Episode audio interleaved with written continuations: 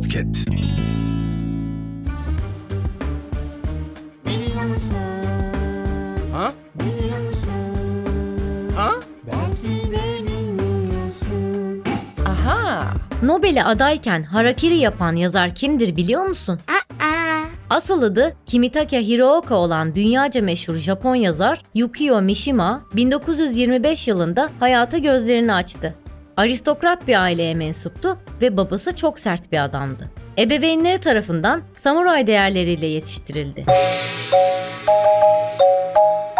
Mishima daha 24 yaşındayken kaleme aldığı Hırsızlar ve Bir Maskenin İtirafları gibi eserleriyle büyük bir ün kazandı. Aha! Eserlerinin yabancı dillere tercüme edilmesinin ardından 3 defa Nobel Edebiyat Ödülü'ne aday gösterildi. Wow! Aynı zamanda uzak doğu dövüş ustası olan Mishima, kendi hususi ordusu olan Tatenokchi'yi kurdu. Bir gün kışlasını bastı. Burada eski Japonya'yı savunan manifestoyu okuduktan sonra geleneksel yöntemlerle intihar etti. Yani harakiri yaptı.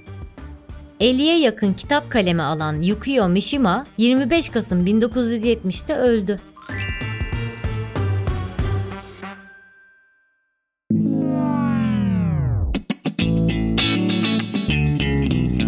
Podcast.